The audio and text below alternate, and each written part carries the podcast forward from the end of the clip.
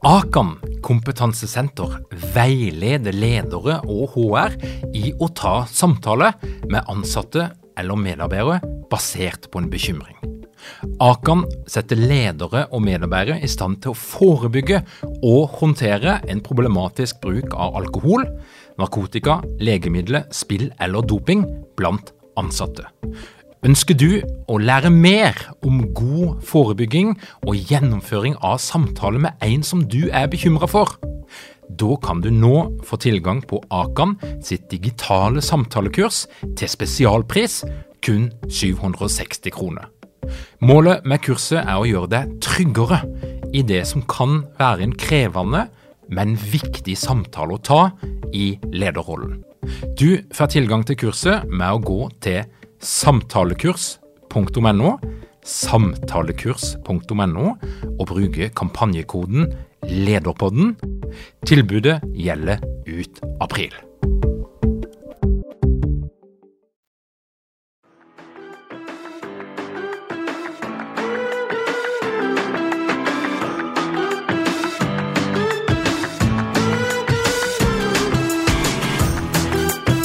Velkommen til Lederpodden.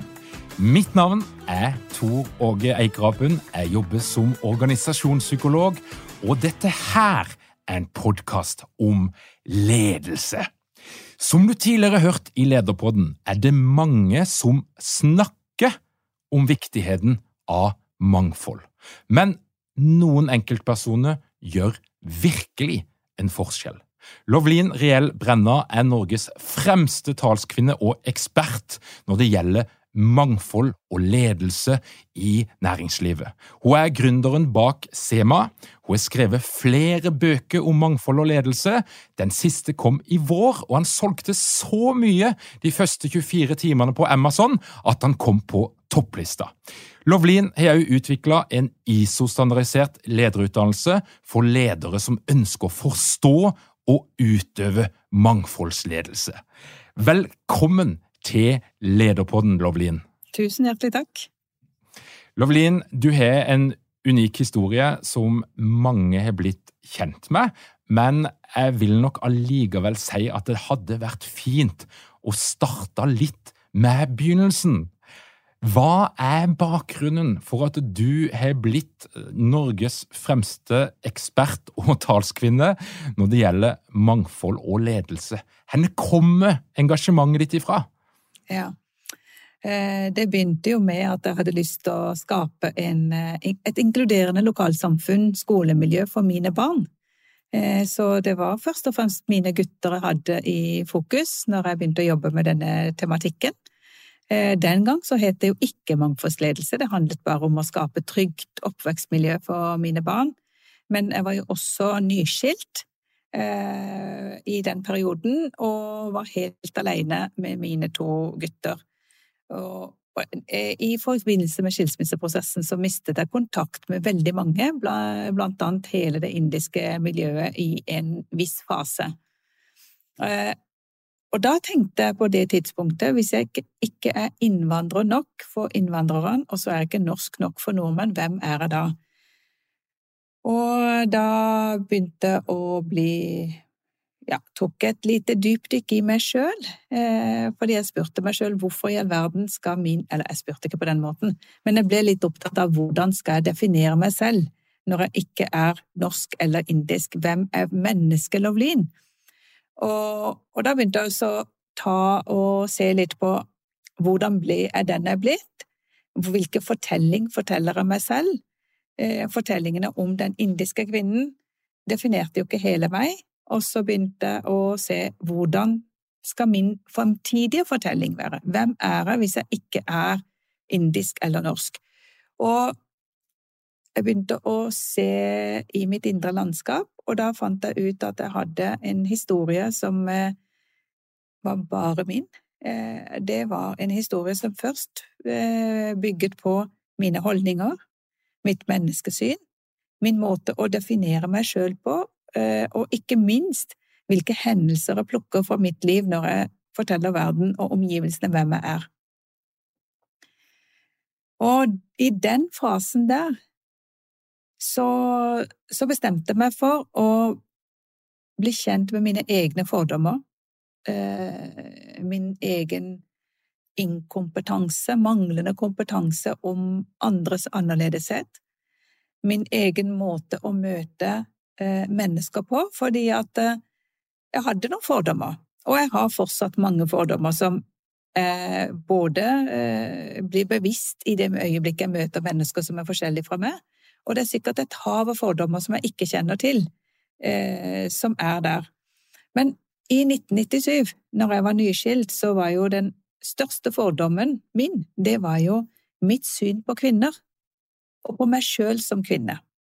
Mitt syn på norske kvinner, og mitt syn på kvinner med minoritetsbakgrunn. Jeg hadde noen antagelser om hvordan det er å være en norsk kvinne, og jeg hadde også noen antagelser om hvordan det er å være minoritetskvinne. Og det å fokusere på kvinner som likeverdige individer, uansett hudfarge, uansett eh, etnisitet, uansett eh, seksuell legning, uansett hvem de er, det Eh, det var kanskje den største endringsprosessen først. Det å se på potensialet og ressursene og mulighetene og likhetstrekk mellom kvinner, og etter hvert ble det også mellom mennesker, før vi ser på forskjellene. Så, så var det mange flere oppgjør jeg tok med meg sjøl, mitt språk, fordi jeg fant ut at eh, jeg hadde jo et språk som var ekskluderende og ikke inkluderende. Ekskluderende betyr veldig preget av oss og dem, vi indere, vi innvandrere, vi med minoritetsbakgrunn, og så var det nordmenn, de andre. Og det språket måtte jeg også rydde opp i. Da ble det etter hvert vi foreldre, vi sørlendinger, vi kvinner, vi yrkesaktive, eh, og det ble mange flere vi, vi foreldre med barn i grunnskolen. Så endringsprosessen begynte med egen, mitt eget oppgjør med meg sjøl, eh, og så begynte jeg å legge lag på lag med ny kunnskap og ny kompetanse, eh, hvor fokuset aldri hadde Jeg hadde aldri tenkt at jeg skulle havne i en lederposisjon, ikke på prosjektledernivå, ikke på en avdelingsledernivå. Altså, jeg hadde ingen anelse om at jeg skulle jobbe med ledelse, men det jeg den gang visste, det var at jeg er nødt til å lede mitt eget liv hvis jeg skal være en rollemodell for mine to gutter. Så ja, det var vel der det begynte, og så engasjementet er fortsatt i dag, den dag i dag, selv om du snakker om å være ekspert eller å være ledende på mangfoldsledelse. Fokuset mitt er fortsatt på mine tre barn, nå har jeg en datter også. Mine tre barn, mine svigerdøtre og mine barnebarn. Det er mitt fokus, der er engasjementet, og der er drivkraften så er det jo tilfeldighetene som gjør at eh, Eller kanskje ikke tilfeldighetene, men jeg skjønte at eh, vi kan ikke snakke om likeverd. Vi kan ikke snakke om mangfold og inkludering. Vi må gjøre likeverd, vi må gjøre mangfold, vi må gjøre inkludering hvis vi skal skape en reell forskjell for mine barn og barnebarn. Og for å kunne gjøre noe, så må du ha et rammeverk og noen systemer som viser at eh, når vi gjør noe, så er vi også med på å bidra til en forskjell. Og det jeg lurer på, Lovlin, det er jo For når jeg ser nå tilbake, så, så har du nå fått internasjonal anerkjennelse. Dine tanker, din metodikk, de blir lagt merke til. Den siste boka di den er på engelsk, den ligger altså til salgs hos Amazon, og den klatra ekstremt fort opp på listene der når uh, den ble lansert. Mm. Men det jeg lurer litt på, når var det du skjønte at du var inne på noe som faktisk kunne bli noe stort, noe større enn deg sjøl? Når var det du møtte en person eller fant en eller annen sånn gjenklang som gjorde at du skjønte at dette her er faktisk noe som, som eh, jeg må fortsette med? Eh, når jeg begynte med min personlige reise, eh, og så begynte jeg å søke etter hva er likt mellom mennesker, eh, hva binder meg og deg sammen, og alle de som ikke er eh, i dette rommet sammen med oss, og jeg har utviklet ti pilarer som er likhetstrekk mellom mennesker. Så min motto den gang, eh, på slutten av 90-tallet, var jo vi skal fokusere på likhetene slik at vi binder mennesker sammen, skaper et fellesskap, en vi-følelse, og så skal vi løfte frem ulikhetene som en styrke. Det var den eh, prosessen. Og så ble jeg begynte å skrive i Fedrelandsvennen. Å, så fikk jeg forespørsel om å skrive et kapittel i en stortingsmelding.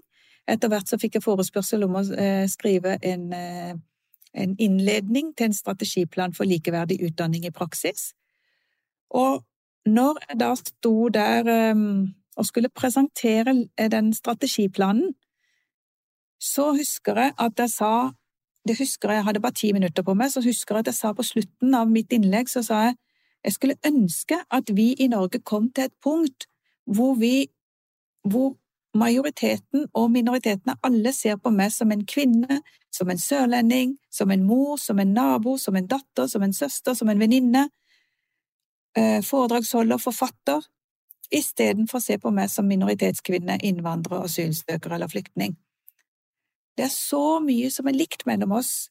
La oss fokusere på det før vi fokuserer på ulikhetene.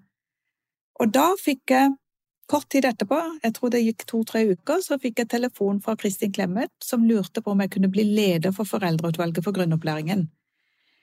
Og det å bli leder, det var min første lederjobb, faktisk. Og det å bli leder for Foreldreutvalget for grunnopplæringen betyr jo at du leder et, en, et utvalg og en organisasjon med foreldre over én million foreldre som har barn i grunnskolen og videregående skole. Og det eneste jeg hadde av verktøykasse for å kunne lede denne organisasjonen, det var Det ene var jo at jeg visste hva, hvordan man skal lede transformasjon eh, i sitt eget eh, Altså på individnivå. Og så hadde jeg lest mye om Gandhi. Hvordan Gandhi, fra å være en rasist i Sør-Afrika til han ble den han ble, hvordan han fikk med seg massene, hans strategiske tenkning, hans kommunikasjon, hans endringsevne.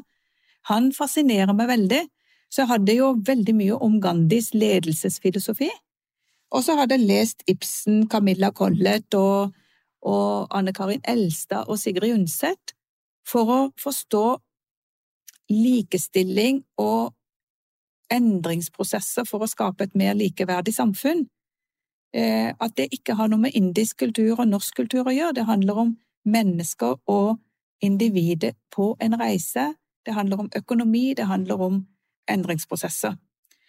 Og med det i min bagasje, og kunnskap som åtte år eh, som leder for Foreldreutvalget for grunnopplæringen, i løpet av den tiden så klarte jeg eller, å få Hvordan endrer du systemer, hvordan bygger du systemer, hvordan er logikken på et nasjonalt nivå?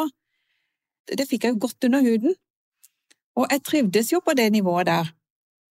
Så når jeg da skulle lage eh, ledelsesverktøy for ledelse av mangfold og likestillingsarbeid, så var det ikke naturlig for meg å tenke hvordan skal vi lage en sertifiseringsordning eh, i Sima? Eller hvordan kan jeg eh, gå til ett forskningsmiljø eller to forskningsmiljøer for å lage en sertifiseringsordning? I min verden, hvis jeg virkelig ønsker å endre og sette i gang prosesser, så må det være kvalitetssikring. Det må være på et så høyt nivå at eh, jeg kan gå med rak rygg og si at her er det kvalitet, det er ingen som blir lurt ved å ta, være med på denne reisen. Så jeg henvendte meg egentlig til Standard Norge for å spørre om ledelsessystem for likestilling, egentlig. Fordi jeg var litt lei av altså, disse, alle de rapportene som kommer hver 8. mars, så får vi en eller annen rapport som viser hvor dårlig vi er på likestilling. Eh, manglende eh, kjønnsbalanse, kvinner og lønnsforskjeller, kvinner og menn lønnsforskjeller, få kvinner i bygg- og anleggsbransjen eller finans eller andre eh, forretningsområder og bransjer. Og så er det de samme eh, forskningsmiljøene som er ute, og så har du de samme feministene som er ute, og så har du likestillingsministeren, statsministeren som er på banen da, og så har du LO, NHO, eh, Virke. Og det Enten så er de sinte, eller så legger de seg helt flat og sier at dette er uakseptabelt. Men dette hadde jeg jo sett og vært vitne til siden i hvert fall 2010, når jeg ledet Kvinnepanelet. Så i 2016 så henvendte jeg meg til Standard Norge og så spurte jeg om jeg kunne få ledelsessystem for stand, eh, likestilling. Fordi jeg tenkte eh, vi har ledelsessystem for miljø, vi har ledelsessystem for sikkerhet og kvalitet. Her er det noen som har sovet i timen, vi må jo få tak i den standarden som er ledelsessystem for likestilling, vi må jobbe systematisk med dette. Og så sier Standard Norge vi har ikke noe ledelsessystem for likestilling i Norge, men vi skal finne et, eh, en standard, det har sikkert i et eller annet verden, eh, land i verden, så vi skal finne det ledelsessystemet. Så viste det seg at det fantes ikke noe ledelsessystem for eh, likestilling som følger en internasjonal mal, verken i Norge eller i verden. Og da tenkte jeg jo at ja, selvfølgelig ikke, fordi likestilling, kjønn, er jo en del av mangfoldet. Så jeg sa ja, da må dere søke etter ledelsessystem for mangfold, fordi at det er jo ingen som er bare en mann eller kvinne. Alle vi har en alder, en personlighet, seksuell legning, hudfarge, etnisitet, funksjonsevne. Så kan dere eh, gi meg eh, en standard for ledelsessystem for mangfold? Og da sa Standard Norge det har vi i hvert fall ikke i Norge. Så langt er vi ikke kommet i Norge. Men vi skal finne, de har sikkert i Canada eller et annet land. Så går det noen uker, så tar de kontakt med meg igjen, og så sier de du, dessverre, det fins ikke noe ledelsessystem for mangfold heller. Så sa men da må vi jo få det på plass. Og får vi et, en standard for ledelsessystem for mangfold, så har vi også integrert likestillingsperspektivet, for det er ingen som er bare mangfold og ikke kjønn.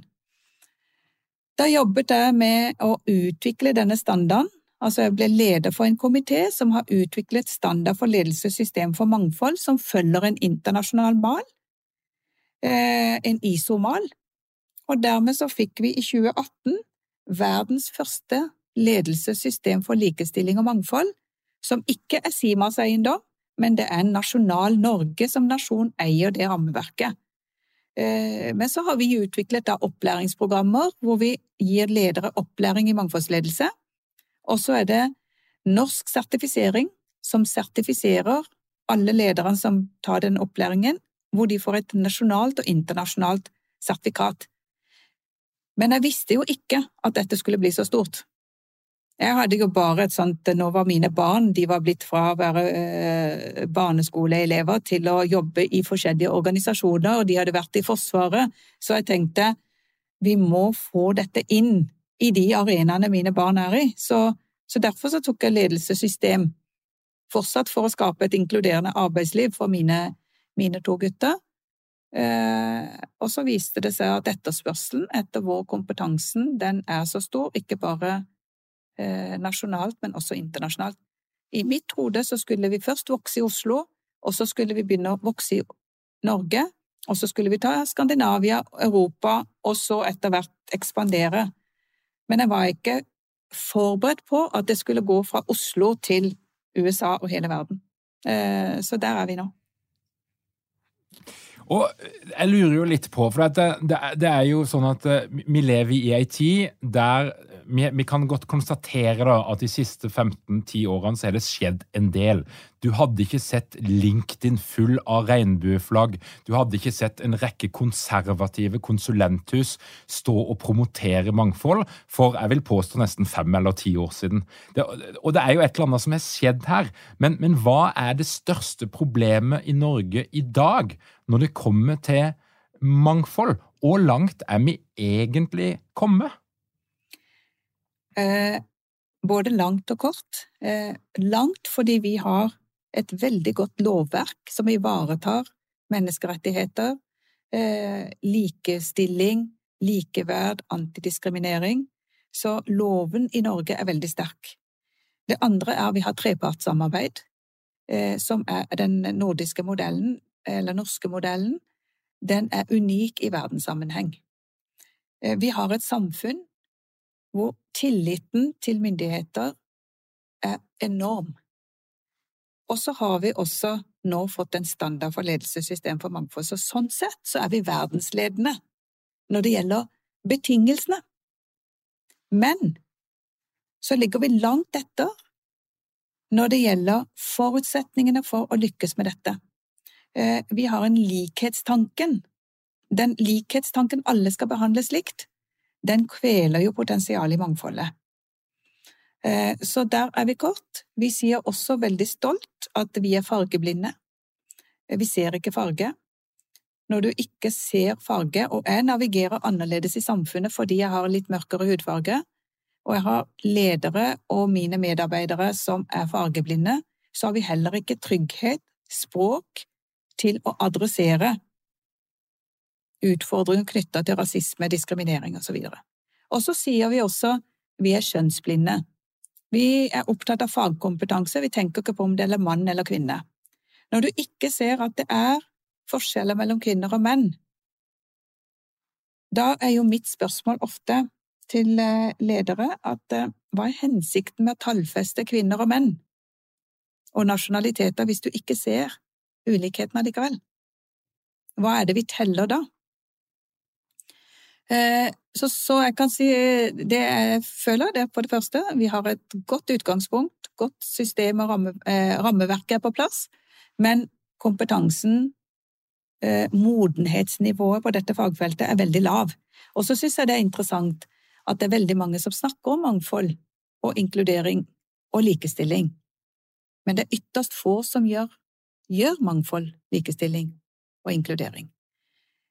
Også konsulenthusene kommunikasjonsbyråene. De snakker om mangfold, eh, inkludering, likestilling, men vi, når vi spør hvordan, så mangler de verktøykassa og innsikten. Og du kan godt være en sertifisert leder, du kan godt være en leder som eh, eh har jobbet med mangfold i, over tid, men hvis holdningene, menneskesynet, ikke er inkluderende, ikke er tuftet på likeverd, hvis ikke du forstår makt og privilegier, hvordan de kommer til uttrykk i en organisasjon, så har vi lang vei å gå. Så det jeg pleier å Jeg pleier ikke å utfordre så veldig mange, men eh, vi har jo ganske mange som tar kontakt med Sima, som ønsker å bli bedre på mangfoldsledelse og, og jobbe både på individ- og organisasjonsnivå. Så da du kan godt snakke positivt om mangfold og inkludering, men du trenger ikke mange setninger før du faller igjennom. Fordi du mangler substansen, du mangler tryggheten, du mangler eh, både språk, og du mangler også eh, prosesser og verktøy for å kunne lede mangfoldet. Så svaret på ditt spørsmål er at det er veldig mange som snakker om mangfold. Det er veldig få som klarer å begrunne hvordan de jobber med mangfold innad i sin egen organisasjon. Så et tips er jo ta en titt inn i organisasjonene som snakker om mangfold. Hvordan leder de mangfold internt? Mm. Og da er jeg litt sånn nysgjerrig på hva, hva er det vi eh, menn som eh, pusher 50 eh, og er hvite i huden, og er det vi ikke ser når vi sier at å nei, rasisme det fins ikke her, diskriminering det fins ikke her, her er vi likestilte. For eh, når jeg leser dine bøker, så ser jeg at du, du gjenger jo inn i dybden på en del mekanismer, på en del holdninger, som er så vanlige at vi legger faktisk ikke merke til at de er der engang. gang. Mm. Men hva er de typiske tingene som vi uten å være rasister, uten å være ondskapsfulle, hva er det vi ikke ser? Mm. Altså, vi, boka som du, den siste som du refererte til, heter jo, eller handler jo om en hund, en sjefshund, som da ansetter en påfugl. Fordi han, denne sjefshunden er jo nå blitt klar over at eh, mange av hans kunder begynner å gå til konkurrentene, eh, og han lurer litt på hvorfor har eh, mine kunder begynt å gå til konkurrentene. Har, vi har jo eksistert i 100 år og vært de beste. Eh, og, og da registrerer denne sjefshunden at eh, konkurrentene har begynt å snakke om mangfold, og det er bilder av personer, eller ulike personer på nettsidene, så har de sånn 'Vi er opptatt av mangfold', og så har de litt sånn plakatmangfold her og der. Eh, så ser han, tar en titt i sin egen organisasjon, så viser det seg at det er jo bare hunder av ulike slag som jobber hos han, og ingen andre eh, type dyr. Så han ansetter en påfugl intensjonen er god hvis vi sier at disse hundene hadde vært sånn menn, hvite menn, som du er inne på. Så ansetter du denne påfuglen, og denne påfuglen kunne ha vært en kvinne eller hvem som helst. Men denne sjefshunden har ikke gjort Altså, intensjonen er god, alle er positive, alle er opptatt av dette mangfoldet, i hvert fall de første øh, ukene. Nysgjerrig på å spørre påfuglen hvordan ser verden ut fra ditt perspektiv, Hva er Hvordan tenker kunder eller brukere innenfor ditt segment, da? I, I, begynnelsen så lytter de til påfuglen, de er uh, veldig inkluderende, men etter hvert så begynner man å uh, avbryte, uh, begynner å fortelle påfuglen ja, vet du hva, det er greit nok det, men hos oss gjør vi det sånn. Det er vår kultur. Nei, vet du hva, kundene våre er bare hunder. Har dere mange ledere uten trening eller utdannelse innen ledelse? Mangler dere en felles kultur og praksis for ledelse? Ønsker dere å være bedre rustet for fremtidig vekst og endring? Da kan et internt lederutviklingsprogram være en god investering. I Execu så er vi eksperter på å designe og gjennomføre bedriftsinterne lederutviklingsprogram. Hvis du ønsker å lære mer om hvordan vi kan hjelpe dykken til å få enda bedre ledere, ta og klikk deg inn på execu.no.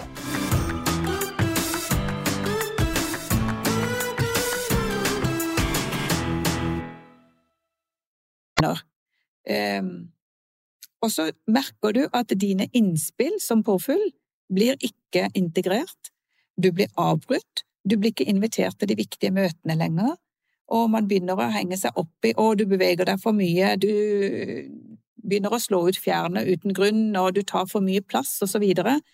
Så, så man begynner å irritere seg over påfuglens annerledeshet, og begynner å klage til sjefen.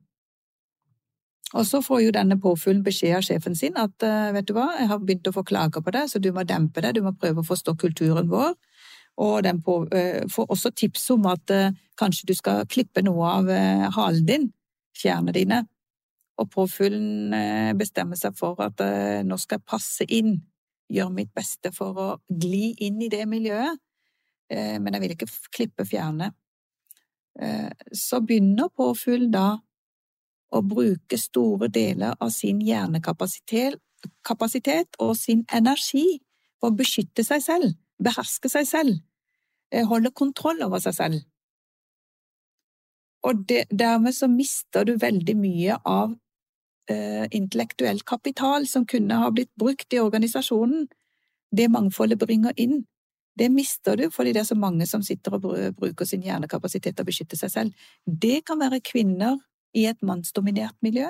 Det kan være en ingeniør blant sosionomer, det kan være en sosionom blant helsepersonell, det kan være en yrkesfaglærer blant uh, de som har studieforberedende. Altså, hvem som er påfugl, og hvem som er sjefshundene eller hundene, det varierer fra organisasjon til organisasjon.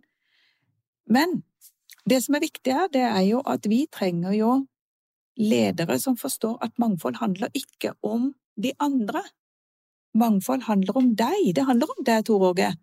Det handler om din oppvekst, din måte å forstå verden på, din innsikt, dine erfaringer, din mangfoldskompetanse. Mangfoldskompetanse handler om fleksibilitet, trygghet til å se verden fra den andres perspektiv, trygghet til å være observatør og aktør i en og samme situasjon, flere språk, flere måter å håndtere dilemmaer på. Eh, så her er det veldig mange lag gjennom ditt liv som gjør at du sitter med en taus mangfoldskompetanse som ikke er identifisert og koblet til selve kjernevirksomheten og oppgaveløsningen. Så når enkelte menn, og det kan være kvinner også, det kan være hvem, den som er i dominanssituasjon, når de ser at, eh, eller opplever mangfold som utfordrende, så er det ikke alltid det handler om rasisme eller diskriminering. Ofte så handler det om egen utrygghet i møte med den andres annerledeshet. Det kan handle om at man opplever at dette er en trend, dette er en politisk korrekthet, man ser ikke verdien av dette, du klarer ikke å koble det til businessen eller kjernevirksomheten. Det kan handle frykten for endring, og det kan også handle om frykten for å gi fra seg sine privilegier som man har i dag. Og det er jo de privilegiene og de frykt, den frykten som må identifiseres. Og jeg tror at når både kvinner og menn ser hvilken verdi mangfold har, for å skape et faktisk inkluderende miljø hvor alle kan være autentiske, så blir ikke dette en utfordring, men dette blir DNA i organisasjonen. Fordi du trenger jo at man blir kjent med sitt eget potensial. Du utgjør et mangfold, derfor så er inkludering viktig for deg, og tilhørighet er viktig for deg. Og du vet også at man kan ikke endre hele organisasjonskulturen for å gi plass til mangfoldet, så derfor så må vi også ta noen runder på hva er absolutt, og hvor ligger handlingsrommet og fleksibiliteten. Hvis vi snakker om lederatferd mm. og måte som ledere fungerer på, hva vil du si i best case? Hva er den største forskjellen på en leder før og etter vedkommende har vært igjennom utdannelsesprogrammet, treningsprogrammet som, som du og dine kollegaer er ansvarlig for? Mm. Altså, den største forskjellen er jo, eller jeg har lyst til å trekke frem eh, flere, det ene er jo økt trygghet i å håndtere eh, ansatte med ulik bakgrunn, og da trenger overhodet ikke være en eneste ansatt med en annen kulturell eller etnisk eller religiøs bakgrunn. Det er bare å håndtere staben. For du har fått en trygghet, du håndterer dilemmaer på en annen måte, du har en eh, utviklet en fleksibilitet, eh, og også fått verktøy til å skape et inkluderende, faktisk inkluderende miljø, hvor inkludering bidrar til opplevelse av tilhørighet. Og tilhørighet er jo limet mellom mennesker, som skaper lojalitet. Så det er det ene. Det andre eh, mang mangfoldsledere som har vært igjennom programmet vårt sier, det er at nå har jeg fått en verktøykasse. Slik at det kan rigge organisasjonen på en annen måte, slik at vi øker effektiviteten. Og de som har jobbet med det nå bare i ett års tid, kan også se resultater på topp- og bunnlinja. Og det tredje er jo at eh, jeg har lyst til å referere til en av de topplederne som var på kurs hos oss, hvor vedkommende da sa at eh, når jeg På første modul så sier vedkommende jeg er så stolt over at vi har innført anonyme søknader hos oss, sånn at det ikke er mulig å diskriminere verken kvinner eller personer med nedsatt funksjonsevne eller en annen hudfarge eller kulturell bakgrunn. Eh, så husker jeg når vedkommende sa det, så sa jeg at jeg tror det kommer til å endre den innstillingen. Ja, var ikke så sikker på det. Og når vedkommende sluttet, så sier, eh, så sier vedkommende, vet du hva, i dag, etter allerede etter modul to, istedenfor å ha anonyme søknader, så begynte jeg aktivt å se etter annerledes profil som kunne bringe inn mangfoldskompetanse det var det ene. Og det andre er jo at anonyme søknader er jo bare en måte å fortelle at vi vil ikke endre kulturen vår, vi vil ikke endre holdningene våre, vi vil ikke endre vår innsikt eller måte å møte annerledeshet på. Vi later som vi er fortsatt er blinde, og så lager vi anonyme søknader. Så det er den største endringen, og så får du også Du lager jo handlingsplaner, du lager jo systemer, du lager jo prosesser på hvordan du skal møte konflikter, eh, håndtere konflikter, men aller, aller viktigste er jo at du blir klar over din egen gullgruve, som du ennå ikke har begynt å se på engang. For det er jo det som er liksom gøy i boka di. Du, eh, Vi snakka om boka di mange ganger, så nå må vi si navnet òg. The Parable of the Dog and the Peacock. Mm. Det er navnet på boka. Og, og her så, så har du jo òg du, du, skriver jo om at det ligger jo et potensial her. Altså For bedrifter som vil få en posisjon, som vil tjene mer penger, selge mer av det de holder på med, så, så, så beskriver du at det ligger egentlig ei gullgruve her som handler om å forstå den dynamikken som foregjenger utenfor majoritetsbefolkninga. Mm. Kan du si litt om det? Ja, fordi at veldig mange gjør en feil. De tror at uh, likestilling det er toskjønnsmodellen. tokjønnsmodellen, kvinne-mann.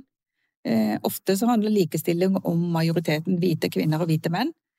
Og så mangfold alle andre. Det er personer med nedsatt funksjonsevne og innvandrere osv. osv.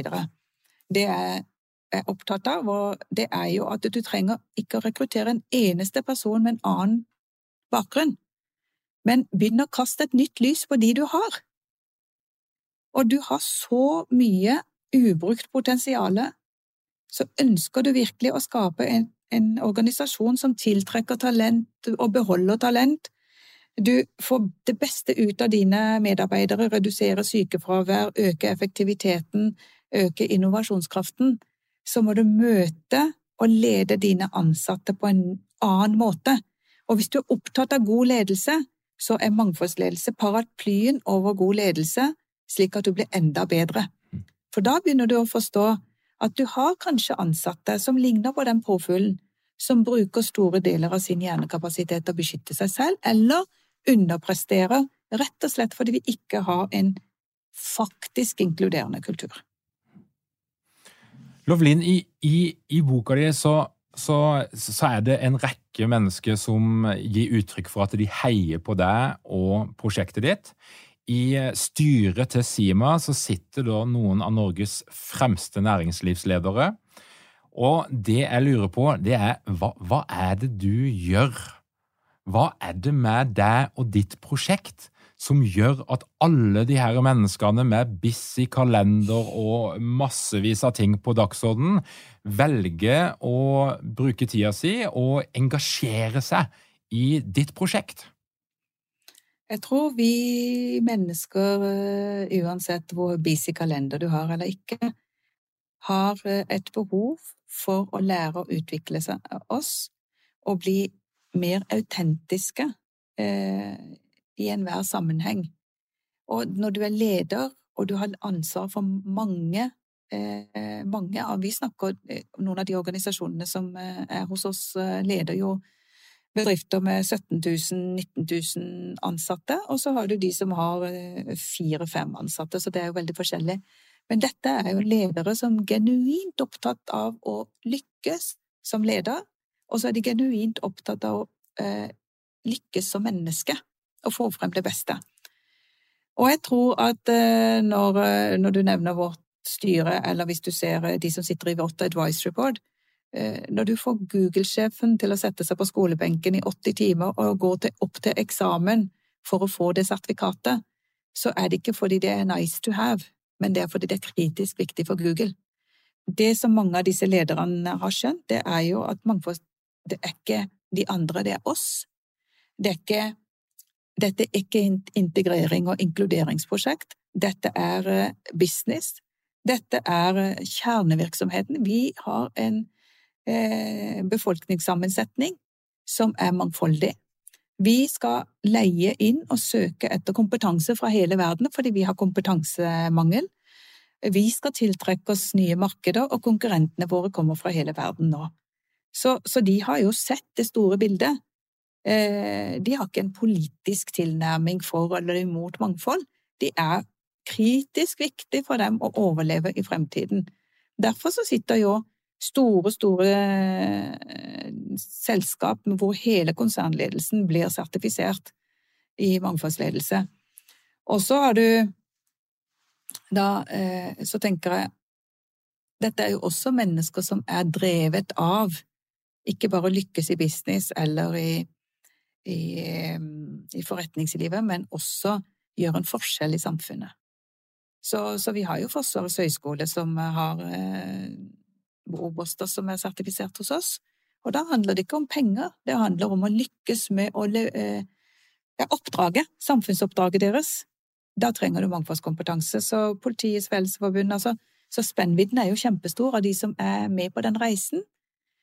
Så jeg tror at de som virkelig har skjønt hva dette handler om, de investerer tid i dette, og da sender de ikke bare én person, men de sender ganske mange på den reisen, fordi at eh, ved å bare sertifisere én person, så tror, jeg ikke du kan forandre verden. Men ved å ta og lage et team som er med på å endre organisasjonen, så er man kommet mye lenger. Og det du gjør, da, du, du, angriper jo kanskje det mest strategisk fornuftige stedet å angripe, nemlig struktur og ledelse. Det er jo der holdningen skapes, og det er jo der du får størst nedslagsfelt. Mm. Og jeg tenker jo at det er en, en, fantastisk potent oppskrift. Og så lurer jeg litt på hva er det som har gått galt før? For jeg leser i USA og i eh, England, så har en drevet med sånn kultursensitivitetstrening. Det har vært en del sånn type eh, konsepter, trender, som har vært rundt forbi, som i ett etterkant har vist seg å egentlig ikke gi ønska effekt, Mm. men av og til tvert imot. Hva, hva er det du tenkte, tenker har gått galt der? Eh, vi har jo sett eh, mye på hva som fungerer og hva som ikke fungerer. Jeg tror det som kanskje kan være en risiko for en bedrift, det er jo for det første tro at det enkle kurs i unconscious og conscious bias vil bevege organisasjonen. Altså, jeg kan også sitte på et kurs eh, i noen få timer foran skjermen, eller sitte foran Eller være på et eh, fysisk kurs i noen timer. Men det betyr jo ikke at det endrer mitt, min holdning i en stresset hverdag. Eh, så trenger du systemer og strukturer som faktisk hjelper deg med å gå inn i en endringsprosess. Altså, jeg tror ikke vi hadde kommet langt i forhold til klimaendringer og sånn som organisasjoner setter eh, dette på dagsorden over hele verden, hvis ikke vi hadde hatt systemer og strukturer på plass. Så det ene er jo at man har hatt en sånn tiltaksshopping, eh, hvor du har eh, tiltak som er på et veldig kosmetisk nivå. Det er sånn eh, tikka bokser. Eh, og så er det litt for, eh, for, at man skal være litt snill, og så er det være um, Vi ønsker bare å rulle ut noe for å få tak i et dyptliggende problem med enkle løsninger. Det går ikke. Eh, hos oss så er det virkelig selvledelse og transformasjon eh, som disse lederne går igjennom. Eh, og det andre er jo at du trenger systemer og strukturer for å kvalitetssikre, også for å overvåke om systemene fungerer slik som de skal. Ikke overvåke individene, men systemene. Og så finnes det veldig mange rapporter som viser at mangfold bidrar til økt innovasjon. Du har også McKinsey-rapporten. Vi bruker jo en del selskap som faktisk kan vise til resultater på bunnlinja. Og det er jo nevnt flere av disse i, i boka mi. Men for å få de resultatene, så må du jobbe systematisk. Og du må ha ledere som rapporterer. Det skal ikke være en HR eller en HR-ansatt eller HR-avdeling eller en uh, Diversity and Inclusion Officers ansvar å bevege hele organisasjonen. Det er ikke HR som leder hver eneste dag. Det er faktisk den enkelte toppleder, mellomleder, prosjektleder som må rapportere hva gjør du, og hvordan jobber du med å skape et mer inkluderende samfunn. Så når vi lager de systemene, samtidig også integrerer risiko for å rekruttere mangfold, men ikke lede det, så gir det mening. Og da har vi jo hvordan lager du en policy, hvordan lager du strategiplan, kompetanseutviklingsplan, hva er HR sin rolle, hva er HMS-ansvarlig sin rolle, hva er eh, risikoen ved å ikke lede mangfoldet, eh, hvordan skal du måle effekt, kommunikasjon, intern, ekstern, så alle disse tingene jobber vi med.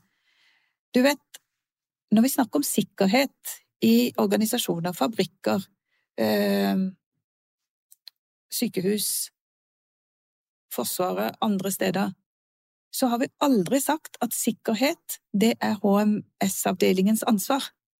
Og så har vi fritatt resten av organisasjonen. Men når det gjelder mangfold, så er det enkelte som plasserer mangfoldsansvaret til HR, eller en person som skal være så mangfold- og likestillingsansvarlig. Og så glemmer vi å ansvarliggjøre hver enkelt ansatt til å kunne realisere dette, og hver enkelt leders ansvar for å rapportere på mangfold. Jeg vet ikke hva jeg svarte på nå.